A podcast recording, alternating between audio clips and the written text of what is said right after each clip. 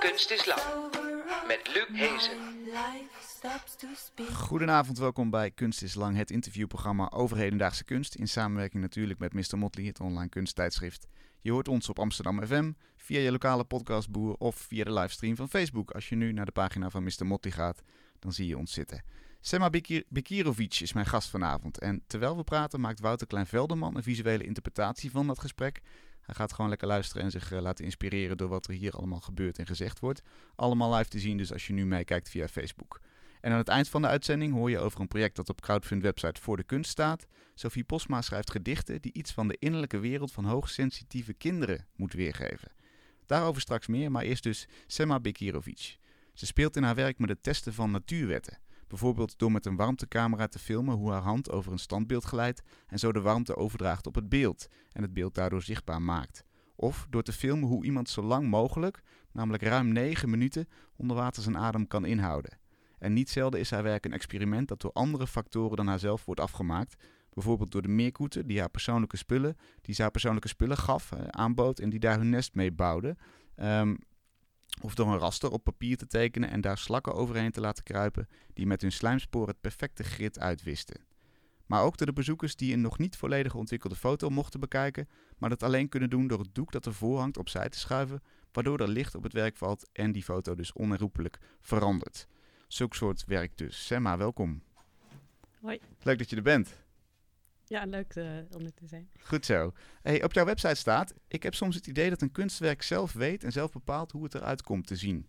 Eh, leg mij als een niet-maker eens uit hoe dat werkt. hoe weet je dat? Ehm, nou ja, het is meer iets waar ik dan achter kom ehm, als ik een project... Ja, ik werk meestal eh, met allerlei toevalligheden en procesmatig. En ehm, dus ik laat e- elementen buiten mezelf vaak eh, de uitkomst van het werk bepalen. Mhm. En ehm, ja, dat maakt me een soort van toeschouwer eigenlijk. Dus ehm, ik bedenk wel die parameters, maar uiteindelijk eh, ja, is er dus een soort van kracht. Dat kan dan een dier zijn of het weer of ja, wat voor ding dan ook. Die dan uiteindelijk de uitkomst van dat werk bepaalt. Ja, bijvoorbeeld eh, die slakken die ik omschreef. Hè. Je Mhm. tekende een grid op papier. Daar liet je slakken overheen kruipen. Nou, die, die trekken met hun slijmspoor ook een vochtspoor met zich mee. En, en, en gummen dus als het ware dat grid uit. Hoe weet je dan eh, A, of dat goed gaat? Hè, als je kan spreken van goed. Hm. En B, wanneer dat klaar is. Mm, nou ja, in dit geval was het gewoon klaar als die eh, slakken... die waren op een gegeven moment van, die, eh, van dat raster afgekropen. Dus toen was gewoon door hun het werk... eh, ja, het was duidelijk het werk af. Ze Dus hadden het verlaten. ze hebben het gewoon verlaten en afgemaakt. En Ja. ehm, vervolgens heb ik ze eh, in het Westerpark uitgezet. En hopelijk leven ze daar nog vrolijk verder. Ja. Ehm, dus ja, dat, dat, dat bepaalt. Ja, dat, dat wordt dan dat, dat wordt ge- ge- geïncorporeerd in. Ik, ja, hoe noem je dat? Nou ja, dat wordt dus door die slak bepaald op Ja, dat moment. Ja, dus dat geef je uit handen. Die controle geef je uit handen. Je zet de omstandigheden op. Ehm, en, en de omstandigheden zelf, daar kun je natuurlijk ook mee sturen. Dus hoe je die omstandigheden maakt, bepaalt ook hoe het werk uiteindelijk wordt. Ja, dus uiteindelijk ben ik, heb ik natuurlijk wel eh, een grote mate van controle. Ja. Maar ik vind het wel, tenminste, dat was vooral. Ja, ik heb dus in het verleden veel met dieren samengewerkt. Ik zie dat echt als samenwerkingen. En ja, ik vond het dan altijd toch wel belangrijk dat die, dat, dat dier dan een autonomie had. Dat je niet als mens eh, een, je, een, eh, zeg een, eh, Sinterklaas mijter op een hond zet. Of ja, weet je wel, als je zo je eigen idee van cultuur, et cetera, op een dier projecteert. Maar dat je dan accepteert dat een dier gewoon ook een, eh, ja, een autonome entiteit is. En daar dus in kan beslissen. Dus een dier, ja, in dit geval, of in, ja, kan zo'n slak natuurlijk ook beslissen om niet mee te doen door gewoon in zijn huisje te kruipen. ja. En eh, ja, dus dat, dat ja, vond ik wel, ja, dus dat vind ik wel een soort van belangrijk met het eh, werken met dieren. En Ze zo. moeten echt een, een eigen inbreng hebben. En dat ook die, daar moeten ze de ruimte ook voor hebben. Ja, want ik, ja, ik vind dat tenminste. Dat is ook mm, eh, een manier om na te denken over wat voor relatie wij als mensen natuurlijk met de wereld hebben. Van ja, willen we alleen maar gewoon al onze soort van eh, waardesystemen op, op die, die natuur proppen? Of komt er een punt waarop we zeggen van hé, hey, dat is misschien niet de meest vruchtbare manier eh, om, naar de, om met de wereld om te gaan en meer als een soort van feedback loop zien en gewoon al die entiteiten ook een soort van te integreren in ja, hoe wij met, ja, hoe, wij, hoe, hoe wij met de wereld omgaan eigenlijk. Ja. Ja, dus je zei net al, het een soort van co-auteurschap wat Mhm. die, wat die dieren doen. Eh, neem je het inderdaad zo serieus? Is het echt, eh, want je kunt natuurlijk niet overleggen met een meerkoet. Of, of, of hoe... Nee, eh, maar Meerkoet heeft een eigen waardesysteem. Dus ja, ik heb dus op een, een, nest laten bouwen door, tenminste, ik heb mijn eigen persoonlijke spullen. Dat is al een heel oud project hoor, maar eh, gevoerd aan een meerkoetenpaar. En zij hebben toen hun nest daarvan gebouwd. Dus mhm. ja, dus dat, dat waren tandenborstels en persoonlijke foto's. Eh, maar ja, zo- zo'n meerkoet heeft gewoon wel heel duidelijk een keuze van... nou, weet je, dit vind ik fijn bouwmateriaal. Dit vind ik echt ontzettend niet fijn bouwmateriaal. Terwijl ik denk van ja, maar dat is echt mijn allermooiste foto. En ik vind gewoon dat jij dat in jouw nest moet. Oh ja. Eh, Dus ja, zo was er wel een dialoog van ik die gewoon probeerde met nog lekkerder stukjes brood... om mijn favoriete voorwerpen en dan hopen dat ze dan dat dan integreren. dus die Eh, probeerde je echt aan te prijzen op jouw manier. ik probeerde dat daar echt een dialoog mee aan te gaan Ja. met hun. En, maar ja, uiteindelijk ja, is dat een dialoog en hebben zij natuurlijk daar gedeeltes van geaccepteerd en gedeeltes van eh, afgewezen. Dus. En heb je enig inzicht gekregen dan in hun beweegredenen? Dus heb jij, is het jou duidelijk Ja. geworden waarom zij niet die foto wilden, maar wel een tandenborstel, ik zeg maar nou ja? Of- niet altijd, maar soms kan je dat dan uiteindelijk, als je dat geheel ziet, zit daar wel een soort van logica achter. Ja, gewoon een soort van structuur. Want ja, als je hebt natuurlijk eh, eh, kleine takvormige voorwerpen, zoals tandenborstels. Maar ja, als je daar dan weer, weet je, iets zoals een, een stuk plastic of iets tussen weeft, Mhm. dan heb je natuurlijk een wat stevigere structuur. Dus ja, daar zat zeker een logica achter. Ja. Nou zijn er heel veel kunstenaars die het liefst zichzelf uitdrukken, die een visie op de wereld willen communiceren eigenlijk. Het klinkt alsof jij dat, dat niet wil doen als je in ieder geval de helft van je autonomie afstaat. Als je zegt, nou laat de omstandigheden het maar doen. Ja, ehm, ja, ik kan inderdaad meer. Het is de. Nee, in het begin was het niet eens zo bewust dat ik dacht van, oh ja, ik ga zo en zo werken. Het is gewoon een beetje zo gegroeid, maar uiteindelijk denk ik dat het wel heel goed bij me past. Van, ehm, eh, ja, want je had, op, je had op Facebook gezegd van de bijna egoloze kunstenaar, maar toen dacht ik meteen van ja, volgens mij is het juist omdat ik misschien wel een te groot ego heb. En dat ik dat het idee van die kunstenaar, weet je, vanuit het oude romantische idee, de kunstenaar als een soort van genie en bladibla. Daar, daar kon ik me zo niet, ja, daar, daar voelde ik me zo niet voor geschikt. Dit was een soort van manier voor mij ook om eh, dat te omzeilen en gewoon werk te kunnen maken en te kunnen zeggen van, nou ja, weet je, als het niet goed is, ja, die meerkoeten, weet je. Ja, dus dat is, dat is ook een manier Ah. natuurlijk om, om eh, mezelf soort van te bevrijden van iets, ja, wat ik, weet je, van dat soort van hele soort van grootste idee van, van de kunstenaar. Je hebt eigenlijk een escape ingebouwd. Dat ja, ik denk dat het zo is begonnen en Mhm. dat het eh, vanuit daar, ja, natuurlijk heb ik wel eh, ook wel gewoon interesses in gewoon, ja, de soort van natuurlijke wereld en hoe wij mens, met, als mens met onze wereld omgaan. Dus dat heeft wel, ja, dat, dat past wel heel goed eh, bij elkaar.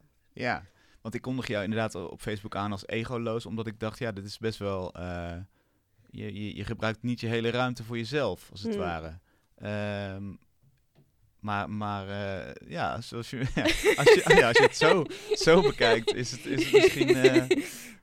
ja, Maar het kan heel goed samengaan. Het is niet een kwestie van dat ik wel of geen ego heb. Ja, natuurlijk heb ik een, e- een ego, net zoals iedereen. Maar ik ben me wel ook bewust van die e- ego. En ehm, ja, hoe je daarmee om kan gaan. En wat je daar wel of niet interessant eigenlijk aan vindt. Want dat is het misschien meer van. Ik vind het, dat hele ding. Ja, ik vind, ik vind ja, dat het soort van. Het, het tentoonstellingen van je ego op, een, op die manier vind ik zelf niet iets interessants om te doen. Dus Mhm. het past gewoon op. Ja, dus het he- ja. Het roept natuurlijk ook de volgende vraag op als je zegt die natuur is een soort van co-auteur. Ehm, wat, als we het iets verder trekken, kan de natuur ook uit zichzelf alleen kunst maken? Ja, Kun jij ook verdwijnen uit dat Ja, werk op een gegeven ja. moment? Ja, Denk, dat- denk je dat? Nou ja, daar ben ik dus nu ook wel... Tenminste, ik ben nu een tentoonstelling ehm, aan het cureren eh, in het Glazen Huis in eh, het Amstelpark. Dus die, in februari gaat die open. En die gaat daar inderdaad over. Dus ik Heel ga... even kort wat het glazen huis is. en dat is Niet, een- niet 3FM die het, die het eh, Oh, nee, ophaalt, nee, nee. maar... Dat is een paviljoen in het eh, Amstelpark. Ja, oké. Waar Zone to Source is die organisatie die, da- die dat organiseert. En nou, ze hadden, hebben me gevraagd om daar iets te cureren. Dus ik cureer eigenlijk een tentoonstelling zonder kunstenaars. Dus ja, daar ga ik echt op zoek naar werken die wij eh, als hedendaagse kunst zouden kunnen interpreteren, maar eigenlijk geen auteur hebben. Ah. En eh, inderdaad ook van het idee van, ja, eh, wat maakt ons nou zo verschillend dan soort van die natuur of dieren, et cetera. Want ja, uiteindelijk als je erop inzoomt, biologisch gezien, zijn heel veel van die verschillen niet echt houdbaar. Dus dan is er ook niet echt een reden om ja, dus die dieren of die andere natuurkrachten geen auteurschap te geven over. En wat zien we daar dan in? Doe eens, doe eens een voorbeeld in het glazen huis. Ehm, ja, ik, nou, een, eh, v- bijvoorbeeld een video. Ja, ik ben nog echt. Het is in februari, hè, dus ik ben nog niet heel erg. Ik bedoel, ik heb wel een aantal werk. Ehm, die ik wil laten zien is een video die, die eh, heb ik op YouTube gevonden. En het is een. eh, je ziet er gewoon een, een woonkamer. En het is gefilmd door een webcam. Eh, en eh, dat, je, ziet de, je ziet die kamer langzaam opgaan in rook. Mhm. Die wordt afgefikt door een vuur wat van buiten komt. Het is een bosbrand en het huis staat midden in een bos. En die webcam stond gewoon toevallig aan. Dus het is gewoon het proces van dat vuur, dat vreet dat huis op. En die camera, die, ja, die heeft dat gewoon als een soort van toevallige toeschouwer heeft hij dat eh, gezien. Dus dat is, vind ik bijvoorbeeld, ja, en het is een heel, heel mooie eh, video. Ook omdat, die, ja, omdat het dat is langzaam dat rook, dus eigenlijk wordt dat beeld zo'n beetje soort van weggewaasd. Dus het wordt langzaam, vult het gewoon op in een soort van grijze monochroom. Eh, dus het heeft, ja, het, het, het heeft heel veel links met, eh, ja. Met kunstgeschiedenis of, of Ja. met wat wij als kunst zouden ja, herkennen. precies, ja. Maar dan herkennen we in dit geval de auteur niet. Namelijk een anonieme camera die... Ja, of is het vastlegt. vuur, of is het... Ja, dus het is, moeilijk, is ook moeilijk vast te stellen. Dus dat is weer een kwestie van een soort van eh co-auteurschap. Ja, eh, Maar het roept ik. wel de interessante vraag op wat, wat dan volgens jou kunst is. Want je zou kunnen zeggen, het bewustzijn van de kunstenaar of de keuzes die daarin gemaakt zijn, die Ja, zijn bepalend. Ja. Nou ja, dat is, dus, dat is ook he- heel moeilijk om iets over te zeggen. Want je, je, je raakt die definitie dan helemaal, helemaal kwijt. En eh, is, Wat, wat is jouw eigen definitie? Laten we daar... ja, die eh, heb ik helemaal niet. Maar ik zit er wel, tenminste, tegenovergestelde. Want eigenlijk wat ik dus doe, is iets wat bijvoorbeeld Duchamp ook deed. Maar hem ging het juist heel erg om van, ja, ik heb deze spullen, deze toiletpot in een galerie gezet. Dus, het, dus ja, Ja, dat is zijn bewustzijn eigenlijk Ja, het belangrijkste precies. En ik zeg van, ja, weet je wel, vrij wil bestaat niet. En alles is alleen maar proces en bladibla. En, en dat, dat, is, dus dat is jouw maar dan hou je inderdaad gewoon, ja, dan heb je alleen nog maar, heb je gewoon, heb je gewoon, kunst is gewoon iets wat op een bepaald moment eh, door iemand op, als kunst ervaren wordt. Maar dat heeft, ja, dat heeft geen vast omlijnde definitie meer dan. Nee. Maar is dat iets waar je helemaal mee uit de voeten kan? Dat voelt voor mij een beetje onbevredigend aan als je het zo Ja, formuleert, eerlijk ja misschien gezegd. moet ik wel, ik heb eigenlijk die Kunst de- kan alles zijn. Jij bent echt de eerste die Veel mij plezier. vraagt wat de definitie van kunst is. Ik vind het nogal een zware vraag. Ja, we hebben, we hebben bijna een uur. definitie Dus, van eh, kunst? nou ja, ik zit niet op de interviewstoel. Ik, ik mag de vragen stellen. Ja. ja, maar misschien heb je wel een definitie van kunst. Wat is Eh, de definitie van kunst? Nou, de, de definitie is er niet. Eh, Dat, dat, dat, is wel duidelijk. Volgens mij is er geen, eh, is er geen, niet, niet iets waar iedereen het over eens is. Eh, en eigenlijk is dat precies de reden waarom ik natuurlijk dit programma maak. Omdat ik iedereen die hier op de stoel zit, waar jij nu zit, oh ja. de vraag stel op, op een of andere manier van wat, wat, hoe zie jij die kunst dan? maar Of wat was dan het meest bevredigende antwoord voor jou? Eh, daar ga ik even over nadenken. Formuleer eerst jouw antwoord. En dan, dan, dan kom ik daar nog op terug. Nou, laten we naar de volgende vraag. Dan ga ik er ook nog even over nadenken. Want, maar, maar dit is toch best, dit is wel een essentiële vraag, toch? Ja. Heb je, heb je hem nooit op die manier Nou ja, ik heb natuurlijk op die manier wel vaak voorbij. Dus kunst is wat de kunstenaar kunst vindt. Kunst is wat er als zodanig erkend wordt. Ehm, ja, Maar wat zijn de dingen waar jij zelf enthousiast van wordt en waarvan je zelf denkt, ja, dit is, dit is goede kunst. Laten we dan even wegbewegen van die definitie, maar wat, wat, wat raakt jou, Ja, wat raakt ik- je, wat vind je Ja, goed? maar ik, natuurlijk raak ik heel veel dingen, maar ik denk niet dat ik er op die manier mee bezig ben van dit is goede. Ja, ik denk niet dat ik op die manier ermee bezig ben. Ik heb alleen maar dingen die mij inspireren of die, ik- die ik mooi vind Hm? en bewegen. Of dat nou inderdaad een kunstwerk is wat ik in het stedelijk zie of eh, iets wat ik, weet je wel, gewoon een, een moment wat je, of iets wat je op straat ziet of iets dergelijks. Ik ervaar dat toch eh, ja, als een soort van gelijk, gelijk, voor mij is het toch een gelijkwaardige ervaring. Dat is wel grappig, want, want ik, ik zie, kan toch een kunstwerk niet loszien van de kunstenaar die erachter zit en de, en de, de intenties daarvan. Er zijn Hmm. natuurlijk stromingen die zeggen dat dat moet niet uitmaken en die Ja. kunstenaar of die auteur die is dood. Ja, maar je Eh, kan ook gewoon helemaal eh, bevangen worden voor een kunstwerk waar je helemaal niks van af weet. En dat het meer een ervaring is, toch? Ik bedoel, het is niet per se zo dat je. Bedoel, hel- ja, soms helpt het om een, kunst, eh, kun- om een kunstwerk te begrijpen als je eh, de achtergrond ervan weet. Maar soms verschijnen dingen gewoon. Zeker, maar ik, wa- wat ik ook eigenlijk bedoel is, eh, en, en vo- vorige week zaten hier Klaar van der Lippen en Bart Stewart en die zeiden, kunst maken is een manier van communiceren. Hm. Dus eigenlijk ben je in je eentje wel iets aan het doen, maar ei- eigenlijk ga je via dat werk, ga je toch contact leggen met de toeschouwer. Hmm. Eh, dat, dat is dan in jouw verhaal minder Ja. zo of niet zo. zo. Nou ja, het is wel zo in de zin van dat ik denk, kijk, je kan nooit om de menselijke blik heen. Dus ik denk, wat ik ook doe, het gaat altijd vooral over de menselijke conditie. Ik ben niet in staat om iets over de conditie echt van de meerkoet te zien zonder... Ja, je hebt altijd, je kijkt door je eigen... Nou ja, dat is natuurlijk oud filosofische bla bla bla. Maar Je kijkt door je eigen bril ja, en daar kun je niet omheen. Ja, Ja. zeker. Ja. Ehm, dus wat dat betreft is natuurlijk gewoon alles wat ik doe is een reflectie op eh, wat wij als mensen doen en wat ik als mens doe. En eh, op die manier hoort het in onze culturele. Ja, zelfs als ik iets zie op straat, wat ik misschien, waar ik misschien heel erg door ontroerd ben, Mhm. eh, toevalligheid of iets wat op elkaar, whatever, Hm? eh, of een YouTube-filmpje wat niet als kunst bedoeld is, bijvoorbeeld met dat huis, dan is het toch veelzeggend voor mij, omdat het iets zegt over onze menselijke conditie. En dat maakt het misschien, ervaar ik dat als een soort van kunst. Maar Ja, dus, dus dan, dan is kunst in jouw, in jouw definitie eigenlijk een soort... eh, ja, dat voegt iets toe over, over ons denken over de menselijke con- conditie. ja, nou, er zit altijd wel een soort van idee van vertaling in, denk ik. Eh, van hoe wij soort van de buitenwereld soort van ver- ver- vertalen naar iets waar wij iets mee kunnen. Het is toch een soort van spiegel. En wat is dan wat, je, wat jij... Dat, dat, als ik het terugredeneer, is dat dan natuurlijk ook wat jij zelf probeert te doen met jouw werk. Dat het iets zegt over de menselijke conditie. Ja, nou ja, in de eerste plaats natuurlijk over mijn, mijn eigen conditie. Maar ja, en ook uit, hopelijk ook iets over de menselijke conditie. Ja, dat vind ik dan altijd wel een beetje groot. Ja, Maar ja, dat is een grote ambitie ja natuurlijk. dat, om precies. dat. Ja. ik weet niet eh, of ik dat aan kan, maar eh, nee, ja. ja.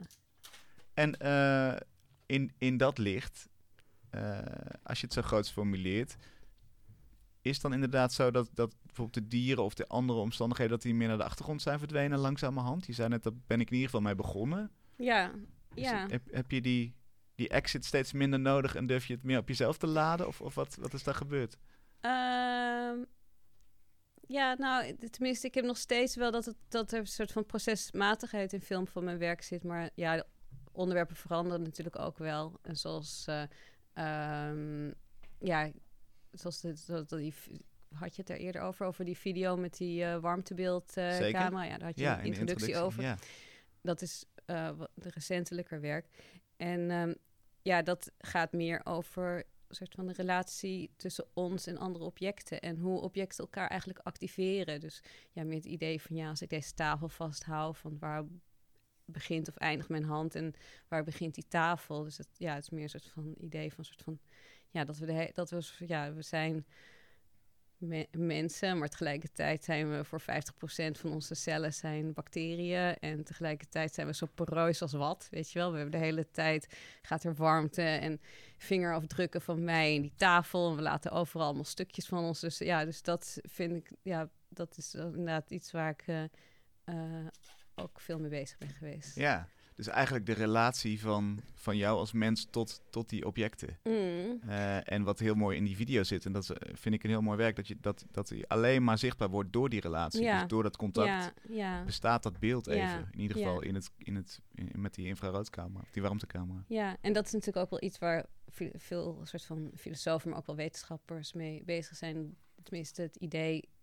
Eh, hier, er is in ieder geval, dat, dat heb ik niet. Weet je wel, dat lees je wel vaker over dat dingen soort van elkaar activeren. Mhm. Dat je niet, dat je kan naar objecten kijken, maar je kan ook zeggen van oké, dingen zijn een soort van evenementen en ja, door die waarneming van het e- of ja, eh, of me- het me- meten wordt natuurlijk vaak als soort van voorbeeld gegeven van door metingen, zoals met die twee spleten experiment. Ik weet niet dat. Ja. Nee, leg eens uit.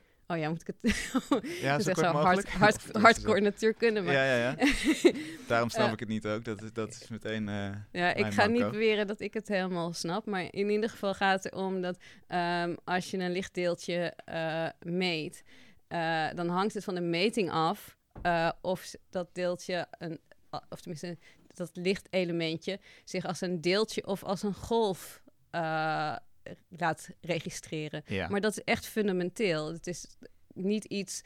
eh, ja, dat is, dat, is, dat is gewoon echt een fundamenteel ding. Dat als je, mm, ja, als je dat deeltje bijvoorbeeld door één sp- spleet, dan twee spleten experiment laat gaan, dan gedraagt het zich anders dan als het door twee spleten gaat. Dus dan ja, is het nou een deeltje of is het nou een golf? Dus het is echt doordat je iets meet. En dat is eigenlijk ook wel een soort van logisch dat dingen veranderen doordat je ze meet. Want als je bijvoorbeeld eh, door een micros- micros- microscoop kijkt, dan heb je altijd een lichtdeeltje nodig om een lichtdeeltje te meten. Dus natuurlijk wordt dat lichtdeeltje veranderd. Eh, Hoe bedoel je dat laatste? Nou, als je een licht met een licht, je hebt natuurlijk licht nodig Mhm. Om iets te observeren. Te energie zien. nodig om iets te zien. Dus dat kleinste deeltje, als je een klein deel, heel klein deeltje observeert met een heel klein deeltje, wat is een licht, ja, dan eh, heeft dat natuurlijk effect op elkaar ja. op die schaal. Dus ehm, ja, vanuit die gedachte wordt wel heel, ja, wordt ook wel gewoon gepraat van ja, de, op een of andere manier eh, wordt die wereld de hele tijd, die objecten die, die, die, die vormen elkaar. En dat zijn eigenlijk meer evenementen dan steady objecten. Maar goed, ik denk waarschijnlijk zijn allemaal wetens als er wetenschappers luisteren. Sorry. Sorry voor alles. ik heb geen natuurkunde gestudeerd. Je, je laat je losjes inspireren door de natuurkunde. Ja, we het daarop houden. Dan kom je er wel mee weg, denk ik. Eh, ik kan je in ieder geval niet tegenspreken, want ik weet niet beter of, of, of hoe het überhaupt zit. Eh, maar, maar stel dat je dit nou vertaalt naar het dagelijks leven. Hm. ehm, kom je dan inderdaad op zo'n, op zo'n kwestie van, van het, het bevrijven van een beeld, zeg maar? En, en het op een andere manier kijken? Is, is dat, zijn dat de gedachtenstappen in je hoofd? Dus die hele moeilijke abstracte theorie Ja, die natuurkundig is naar dat werk? Ja, ik weet natuurlijk niet precies hoe dat werkt, maar ik, ik, ik lees vaak boeken die ik zelf maar half begrijp. En dan uiteindelijk probeer ik dan toch met mijn beperkte hersencapaciteit Mhm. daar een soort van vorm aan te geven die meestal visueel is, omdat ik visueel ben ingesteld. Dus, Ja. ja. dus dat is wel. eh, en, ehm, en met dit werk was ik ook, ja, ehm, ja was het, ging het ook wel heel erg over van, ja, gewoon kunst en onze relatie met die beelden en of die op het moment dat je iets maakt dat het dan ja een soort van geanimeerd wordt op een bepaalde manier dat er een soort van toch eh, ja energie van de kunstenaar naar dat beeld gaat. En dat beeld uiteindelijk heeft natuurlijk weer zijn eigen leven. En of dat dat wordt dan weer geactiveerd door allerlei contexten of ja dat je dat verandert. Ehm, dus ja zo op die manier eh, ja was ik ook vanuit een soort van andere hoek naar aan het kijken Ja, en het streven om een boek te lezen wat je maar half snapt, Hm. dat is natuurlijk ook al wel al een soort, eh, dat zou je misschien kunnen vergelijken met het neerzetten van, een, van omstandigheden, jij in dat boek, en, en maar zien wat er tussen gebeurt. Ja. Ja, ik heb wel het gevoel dat ik wel een soort van gat heb in mijn kennis. Want ik heb heel veel middelbare scholen van, van binnen gezien. En ehm, ik ben ook vrij jong eh, eh, op mezelf gaan wonen en zo. Dus ik heb altijd het idee van ja, dat ik een soort van, een soort van gat is. En dat ik dat ben ik dan zelf een beetje gaan vullen door gewoon heel veel te gaan lezen. Dus uiteindelijk is het, een is het misschien mijn eigen, mijn eigen constructie. Maar ehm, ja, het- ik heb wel heel erg, eh, ja, het, het, het is wel vanuit een soort van, ik heb er echt een fascinatie, fascinatie voor. En ik probeer het ook echt te begrijpen. Ah, Oké, dat is wel het streven. Het is wel het streven. Het is niet dat ik, dat ik, eh, ja, dat ik, dat ik eh, alleen maar als een soort van vrij. eh, ja, ik vind wetenschap wel gewoon, wat ik ervan begrijp, wel heel echt ook een schoonheid hebben. Ja, Ja, ook een soort van kunst. oké, nou, daar gaan we het zo verder over hebben. Want ondertussen moeten we toch even naar de overkant kijken... waar eh Wouter Klein-Velderman de hele... Ja, de, hele, de andere helft van deze tafel aan het, aan het vol eh, eh, behangen is met brood eigenlijk. Een soort schaakbord van brood is het geworden, Wouter. Ja, zo ziet het er nu wel uit, ja. Zo ziet het er nu uit. Eh, wat, eh, op welk punt in het gesprek dacht jij, ik ga eh, een boterham neerleggen en ik ga er ook nog pindakaas op smeren, wat je nu doet? Nou, het ontstond eigenlijk een beetje voor dit gesprek al. Omdat ik Sema's werk al best wel een tijdje ken. Ik, ik, ik, ik draag haar eigenlijk heel hoog op het schild al een tijd. Ik heb een mooie video van haar gezien al lang geleden. Maar wat ze met... eh, en dat was een soort zwarte stip die op je afkomt in een video. Prachtig, totdat het hele beeld gevuld wordt. Maar ja, wat ze met dieren doet, dat kan natuurlijk niet. Dat, dat, ja, dat kan gewoon niet. Dus ik dacht van ja, wat, dan is het misschien leuk om te kijken wat kan er nog meer niet. Hè, in, eh, Maar heel even voordat we daar naartoe gaan, wat is jouw bezwaar met wat ze met dieren doet? Nou, ik denk, kijk, want eh, de disclaimer is dat, dat de dieren een keuze hebben. Hè, om, dus zo- zo'n grid, hè, wat jij ook hebt gemaakt. Daar kunnen die, eh, die slakken dan voor kiezen om, eh, om uit te lopen. Of ze kunnen kiezen om niet mee te doen. Ehm, maar, ehm, nou, en dat, en dat levert een prachtig beeld op. Dat vind ik heel, heel, vind ik heel erg mooi.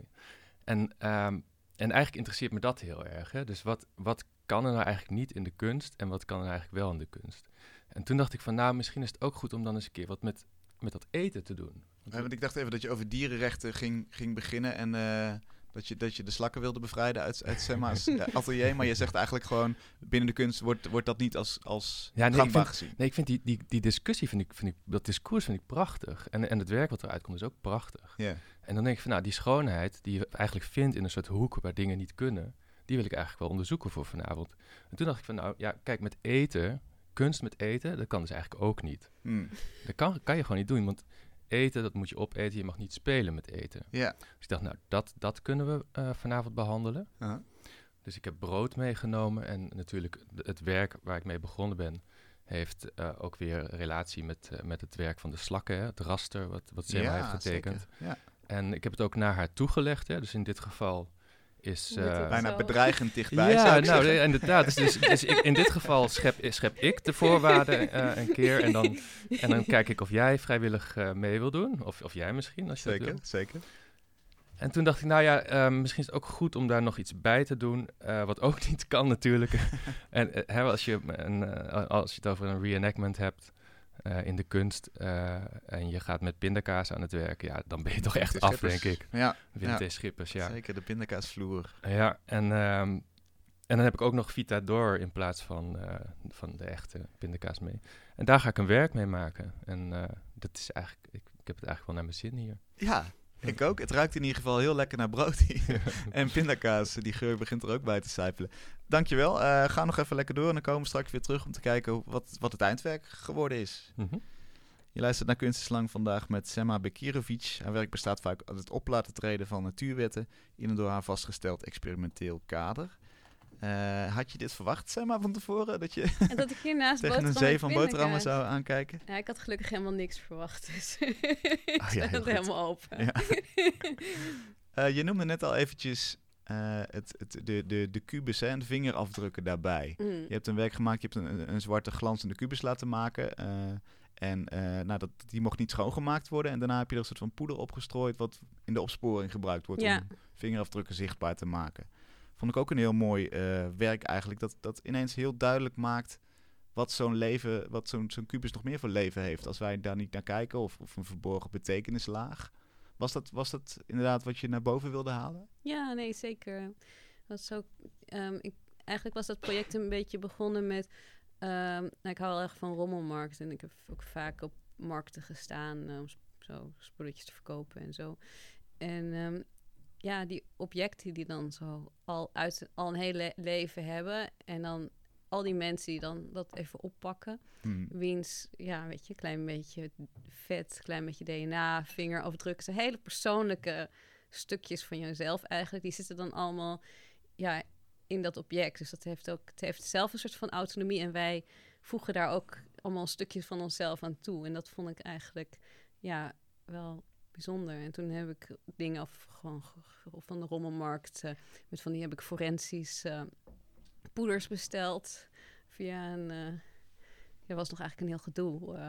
Ja, Is Alibaba of zo? Waar komt het ja, vandaan? nou uiteindelijk had ik het wel echt van de, van, eh, van de, van de opsporingsdienst. Eh, maar dat geeft ze echt niet zomaar. Dan gaan ze echt eh, wel een paar vragen, tenminste. Je bent drie keer gecheckt nu, door de, door- tot en met de IVD ja, het verbaasde me eigenlijk dat er niks overkwam. Ja. maar ehm, ja, dus, dus toen heb ik al die objecten ja, met, dat, met dat poeder en heb ik dat geprobeerd te fotograferen. En toen uiteindelijk kwam ik bij die kubus. ehm, en toen werd het meer een soort van ode, want dat poeder wat erop zit is ook eh, goudpoeder. Dat wordt dus ook wel echt voor zwarte eh, objecten en zo gebruikt, dat goud, omdat het dan heel erg veel contrast geeft. Mhm. Maar ik vond dat ook wel mooi, want dan om dan die, al die handafdrukken en dat je dan dat het er in goud is. Ja. En ook hier gaat het dus weer om het, dat, dat wij eigenlijk iets toevoegen aan dat object. Met onze fietsen, vettige Ja. vingertjes. Dat we even op de rommelmarkt zoiets optillen en zeggen... Nee, dat is te duur. Of goh, wat een raar ding. Ja, Dan hebben we toch een klein stukje van onszelf daar achtergelaten Ja. op dat kleedje. ja, ja, is wel lekker. We lekker continu. Continu. Ik heb nog, dit is een zin die je nog nooit is uitgesproken in een kunstenslang, geloof ik. We lekker continu. En eh, wat, wat vind je daar eigenlijk van dat we lekken? Want de- niemand zegt dat van zichzelf, toch? dat de ja. mens lekt. Ja. Ja, nou ja. Ik vind het wel lekker om te lekken, denk ik. Tenminste, ja, tenminste dat die, die ervaring, die momenten dat je hebt, dat je soort van, dat soort van beseft. Ook Mhm. natuurlijk dat je op een gegeven moment het doodgaat en dat je lichaam gewoon, weet je wel, dust to dust, bladibla. Dat- het ultieme lekken natuurlijk. Dat is gewoon, ja, het ultieme lekken. Uiteindelijk is het gewoon je, ja, je, ja, je, dat is het gewoon. En die momenten dat je dat soort van ervaart, misschien, eh, ja, ik weet niet, als je tussen slaap en wakker bent en dat je gewoon een soort van het gevoel hebt dat je lichaam een beetje, weet je wel, dat je een soort van een soort van limbo bent. Of ja, ik heb zelf ook al een aantal keer eh, psychedelica gebruikt en zo.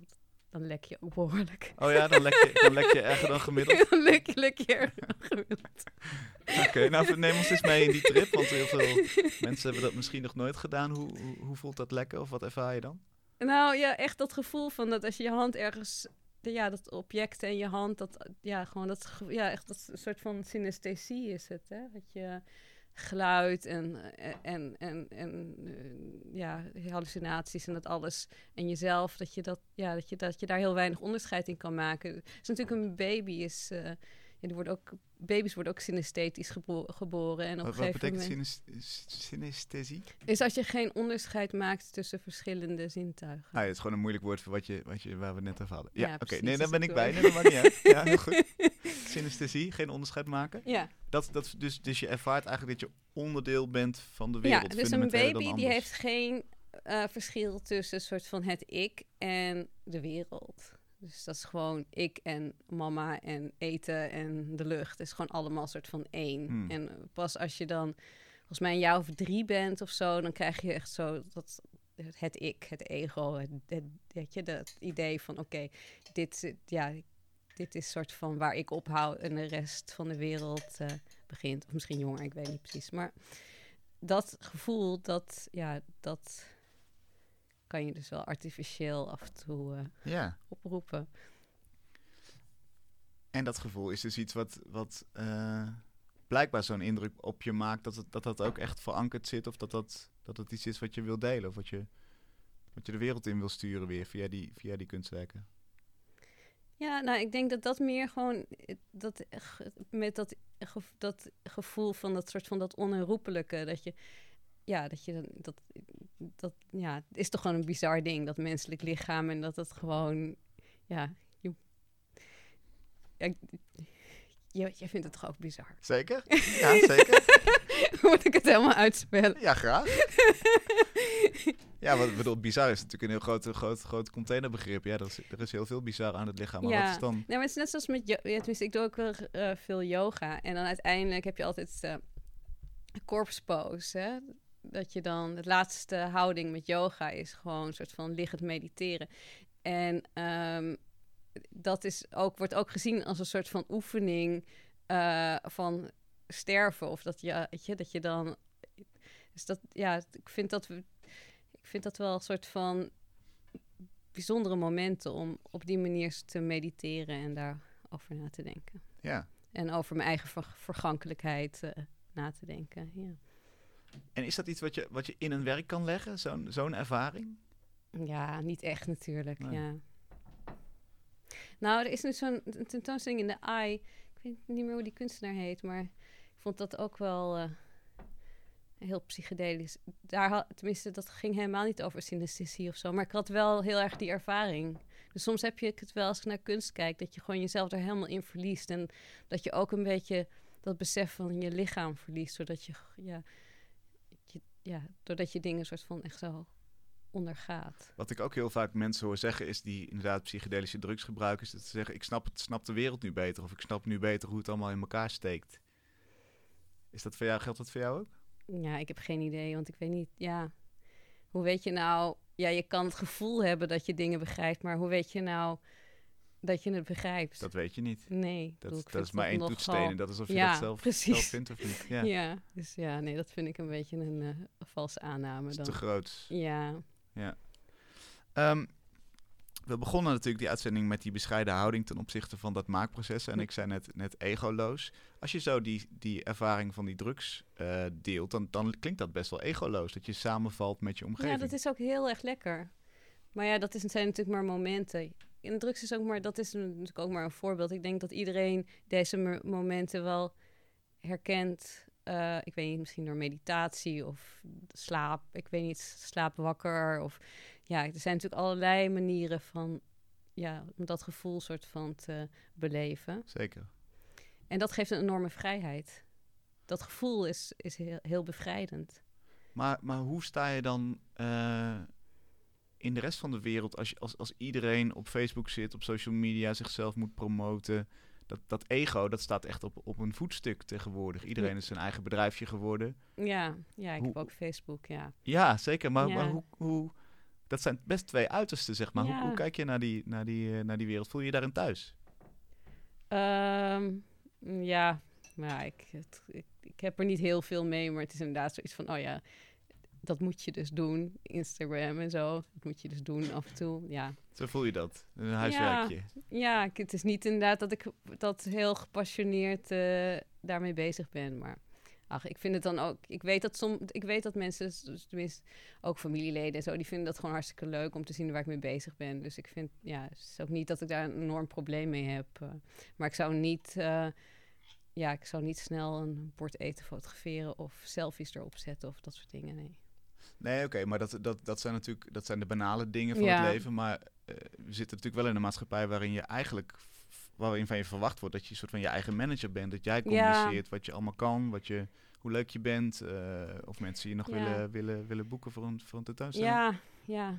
ja, het zijn natuurlijk allemaal elementen die een beetje paradoxaal zijn, maar toch blijkbaar prima naast elkaar kunnen bestaan. Want ja, het is natuurlijk net zoiets van, ja, je zit hi- hier en ik denk van ja, ik, ik praat en ik hoor mezelf praten. En, maar het is toch anders als dat ik, eh, eh, voordat we deze uitzondering begonnen, hadden we toch een soort van andere toon. Maar toch is dit prima en is dit ook een onderdeel van ja, wat we doen en wie we zijn, et cetera. Dus het kan allemaal naast elkaar bestaan. eh. Het hoeft elkaar niet tegen te spreken is in de zin van dat je gewoon ruimte in je zijn, doen, alles hebt voor al die verschillende dingen en mindsets.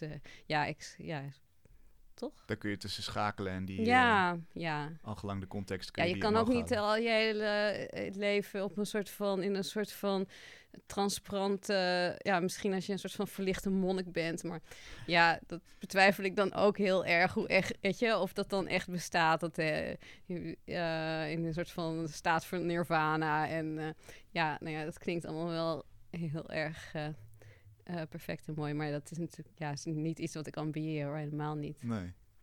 Je hebt een, eh, eh, recenter een, een werk gemaakt, daar ben je misschien nog mee bezig, een film waarin standbeelden van drie omstreden zeehelden te zien zijn. Ja. Piet Hein, Michiel de Ruiter en J.P. Koen. Wat, wat, wat wordt het voor film? Ehm, ja, in die film, ja, ik- ik vind dat heel lastig om te praten over dingen waar ik echt nog helemaal nog heel erg mee bezig ben. Want ik heb het gevoel dat ik ze dan toch een beetje jinx.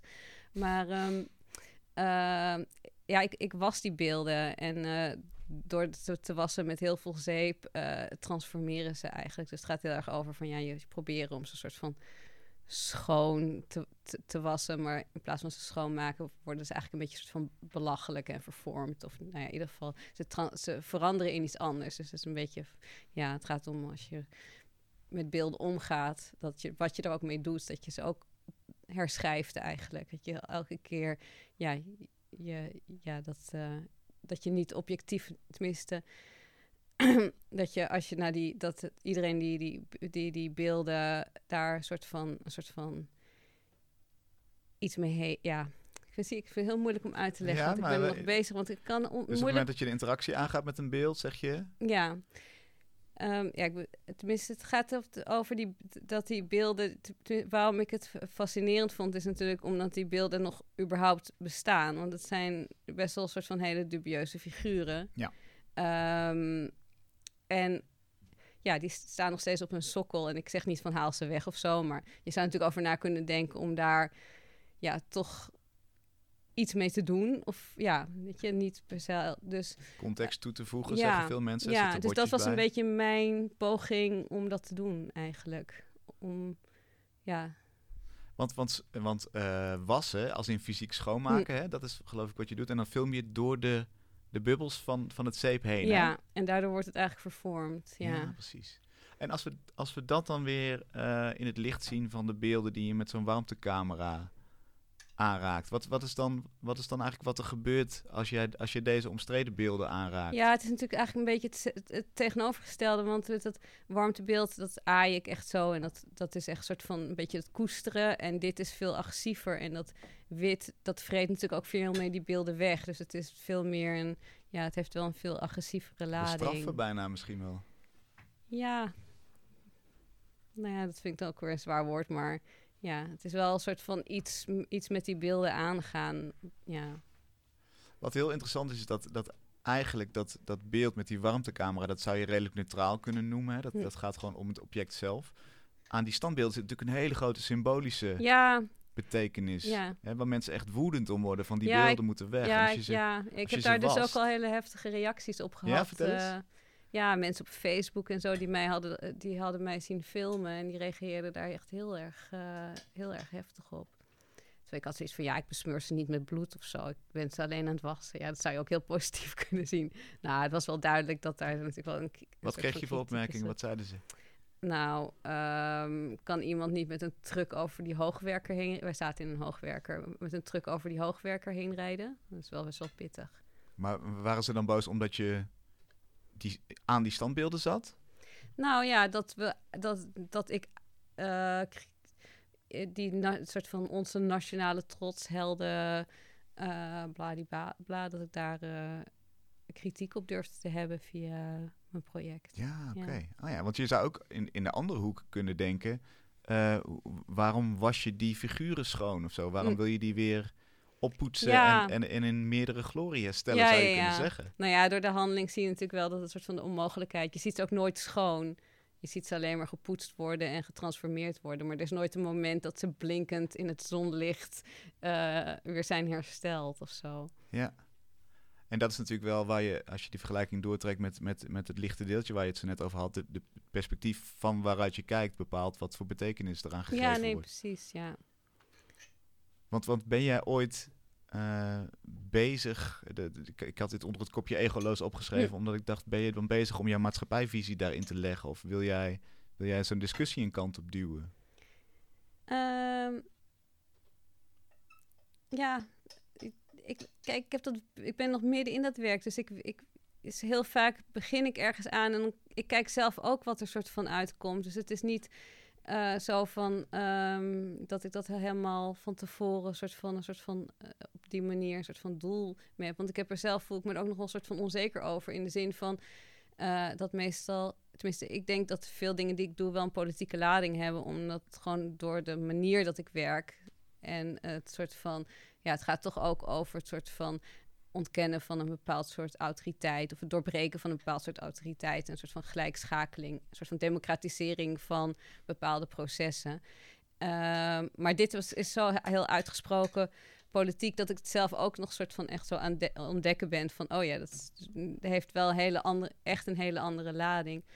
Maar ja, op dat, ja, ik weet niet, ik, ik, ik, ik voelde het gewoon dat ik daar echt iets mee, mee wilde. Ook ja, om, ja, omdat ik het zo bizar vind dat zo'n beeld zoveel lading heeft door hetgene wat het vertegenwoordigt en waar die beelden voor staan, dat je eigenlijk kan je niet meer naar die beelden kijken. Je kan niet meer, je kan daar geen esthetisch oordeel over vellen. Je kan niet, ja, het is, het is een soort van, ja, het is heel een, een hele extreme manier soort van getekend. En iedereen heeft daar zo'n enorme mening over, wat, wat het heel, heel blurry maakt om er een verhouding mee aan te gaan. Dus voor mij was Mhm. het ook een manier om soort van, eh, ja, ik weet wel wat ik soort van hoe ik me voel tegenover die geschiedenis en tegenover die beelden. Maar het was voor mij een manier ook om daar soort van fysiek iets mee aan te gaan. Om te kijken van ja, wat kan ik daar nog op een andere manier naar kijken?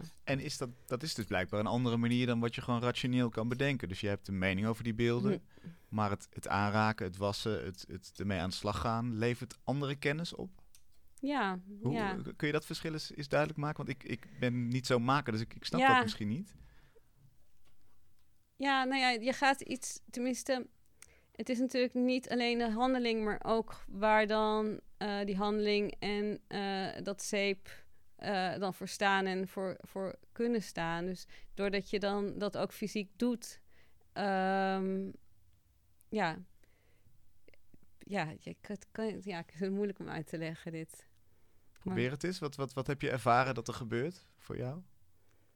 Ja, er ontstaat een soort van vervreemding. En je moet ook fysiek dan een positie tegenover eh, dat beeld nemen. En ehm, ja, ook natuurlijk door een lens verandert dat natuurlijk ook weer. En ja, wat ik zei, dus als het schuim worden die beelden ook soort van verdwijnen ook. En ja, worden soort van weggevreten.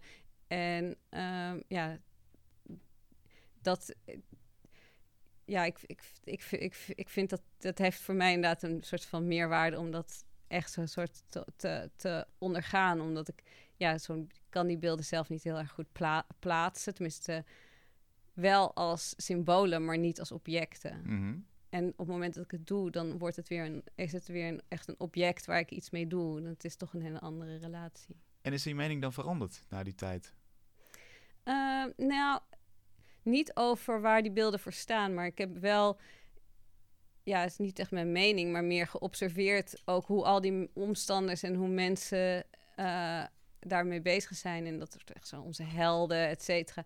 Dus ik heb daar wel, het- weet niet of mijn mening veranderd is, maar ik besefte me wel heel erg van, ja, dat ik daar ook een vervreemding voel, in voelde, omdat ik dat gevoel van een soort van helden, ja, dat, dat, dat ken ik toch niet zo op die manier. Mhm. ehm.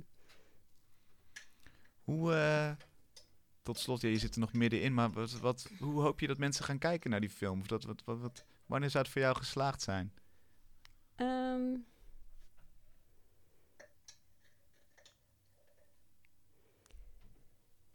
Ja, nou, ik, ik hoop dat mensen het- in ieder geval daarin zien, zeg maar, die vervreemding van iets wat een symbool is en tegelijkertijd een object is. En eh, hoe je die, of je die afstand wel of niet kan overbruggen. Ehm, ja, dat vind ik, eh, ja, dat hopen wat- dat mensen dat erin in, in zien. eh. Ja, en dat is wat jou eraan fascineerde in ieder geval, om, om, om ermee te beginnen. En, ja. ja.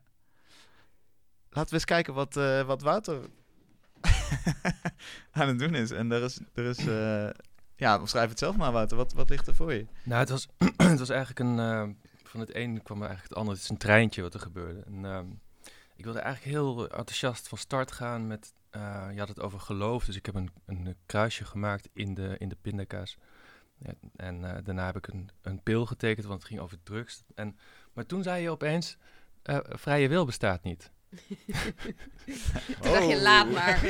ja, ging het een hele andere kant op. dus toen eh, ja, hield alles op. Wat ik natuurlijk ook wel weer heel erg mooi vind, dat dan alles ophoudt. Want dat, ja, dat kan eigenlijk ook niet in de kunst. Uh, En, ehm, maar al heel snel corrigeerde je eigenlijk door te zeggen dat alles naast elkaar mag bestaan. Dus dat gaf mij eh, de gelegenheid om alle gesmeerde boterhammen met pindakaas naast elkaar te leggen. Dus die zitten mooi in een lange rechte lijn.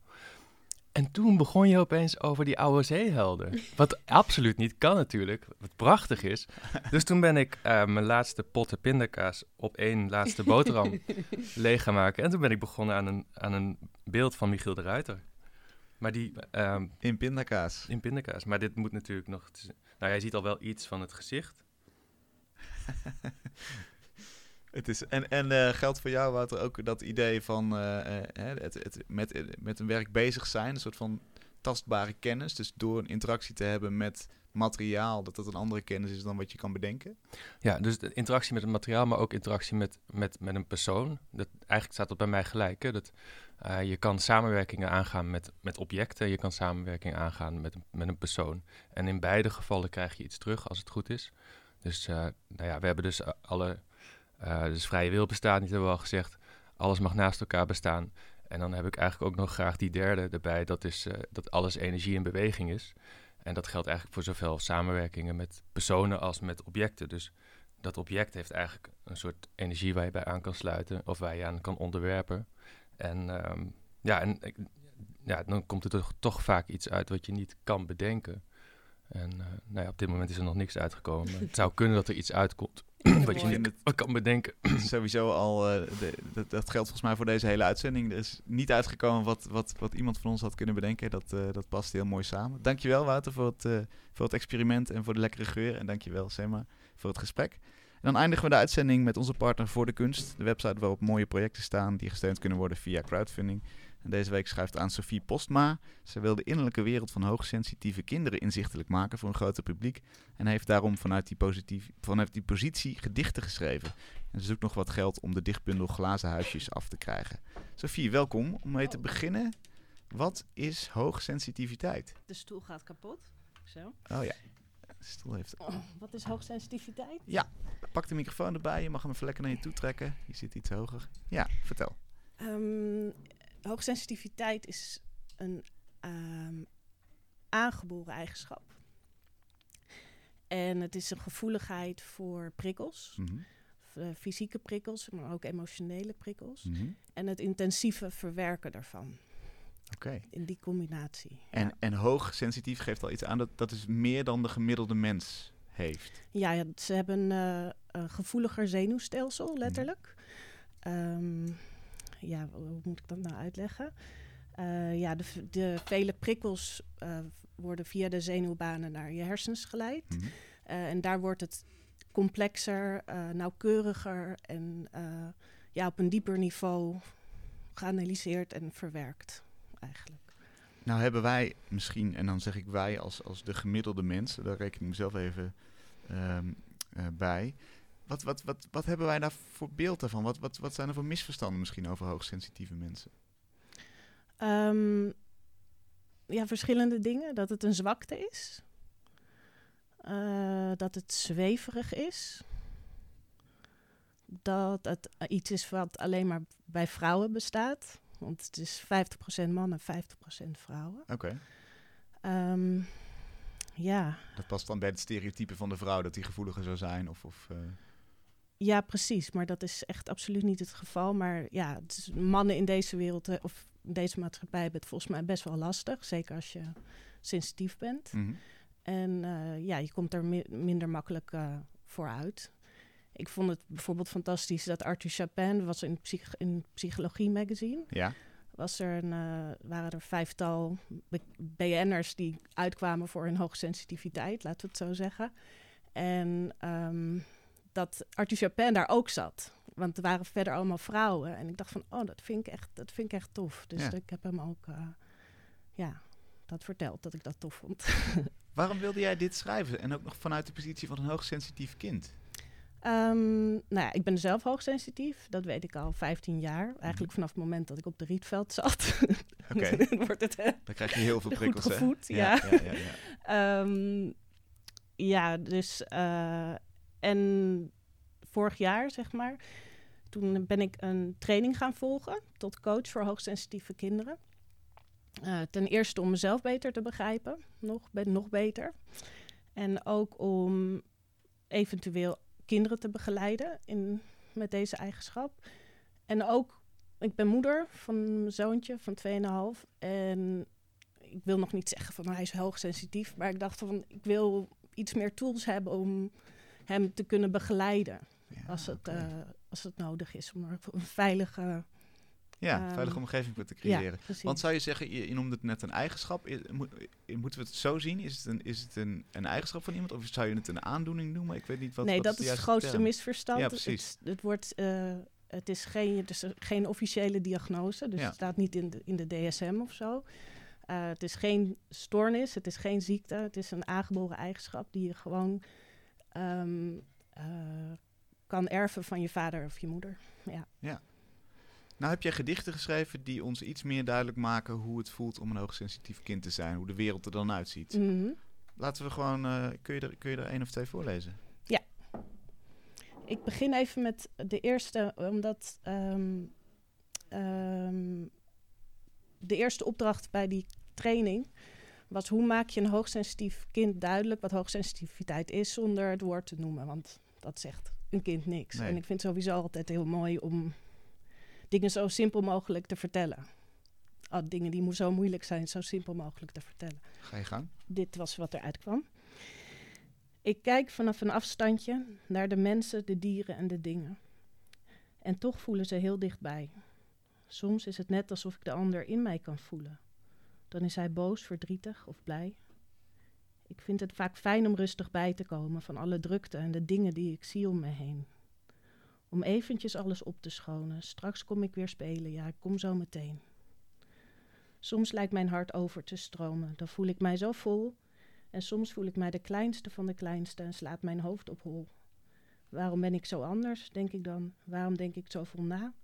Waarom vind ik mezelf zo stom als ik een kleine fout bega? Nieuwe dingen zijn spannend voor mij, omdat ik ze nog niet ken. Daarom, laat mij maar even wennen als ik een ruimte binnenkom. Ik proef alle woorden en zie wie jij bent. Ik hoor alle mensen alsof ik ze al ken. Zou je op me willen letten? Ook als ik niet zoveel zeg? Zal je mij begrijpen? Ook als ik niet alles uitleg? Heb vertrouwen en houd rekening met mij. Ik zal dan groot bloeien, sterk en blij. Mooi. Ja, volgens mij moeten we hier niks meer aan toevoegen. Dit, dit is wat jij eh, wil gaan bundelen. Dit en nog veel meer gedichten natuurlijk. En daar Ja. is nog een beetje geld voor nodig. Als we glazen huisjes zoeken op voor de kunst, dan komen we er. Hè? Ja, zeker. Ja, Okido. Ik wens je heel veel succes. En Dankjewel. dankjewel dat je hier eh, wilde aanschuiven. bedankt voor de interesse. Ja, die, eh, die is er zeker. Dus ga naar glazen huisjes op de voor de kunstpagina. En dan vind je meer over dit project. Tot zover Kunst is Lang voor deze week. Wil je meer info over het werk van SEMA? Ga dan naar mrmotley.nl en dan zie je ook meteen wat Wouter hier live voor ons maakte en zweerde en, eh, en boetseerde. Volgende week is alweer de laatste aflevering van dit seizoen. We gaan er tussenuit en gaan hard ons best doen om in 2019 weer terug te komen met seizoen 5. Maar eerst volgende week dus nog, en dat is de laatste van dit jaar, met Mark Mulders. Graag tot dan.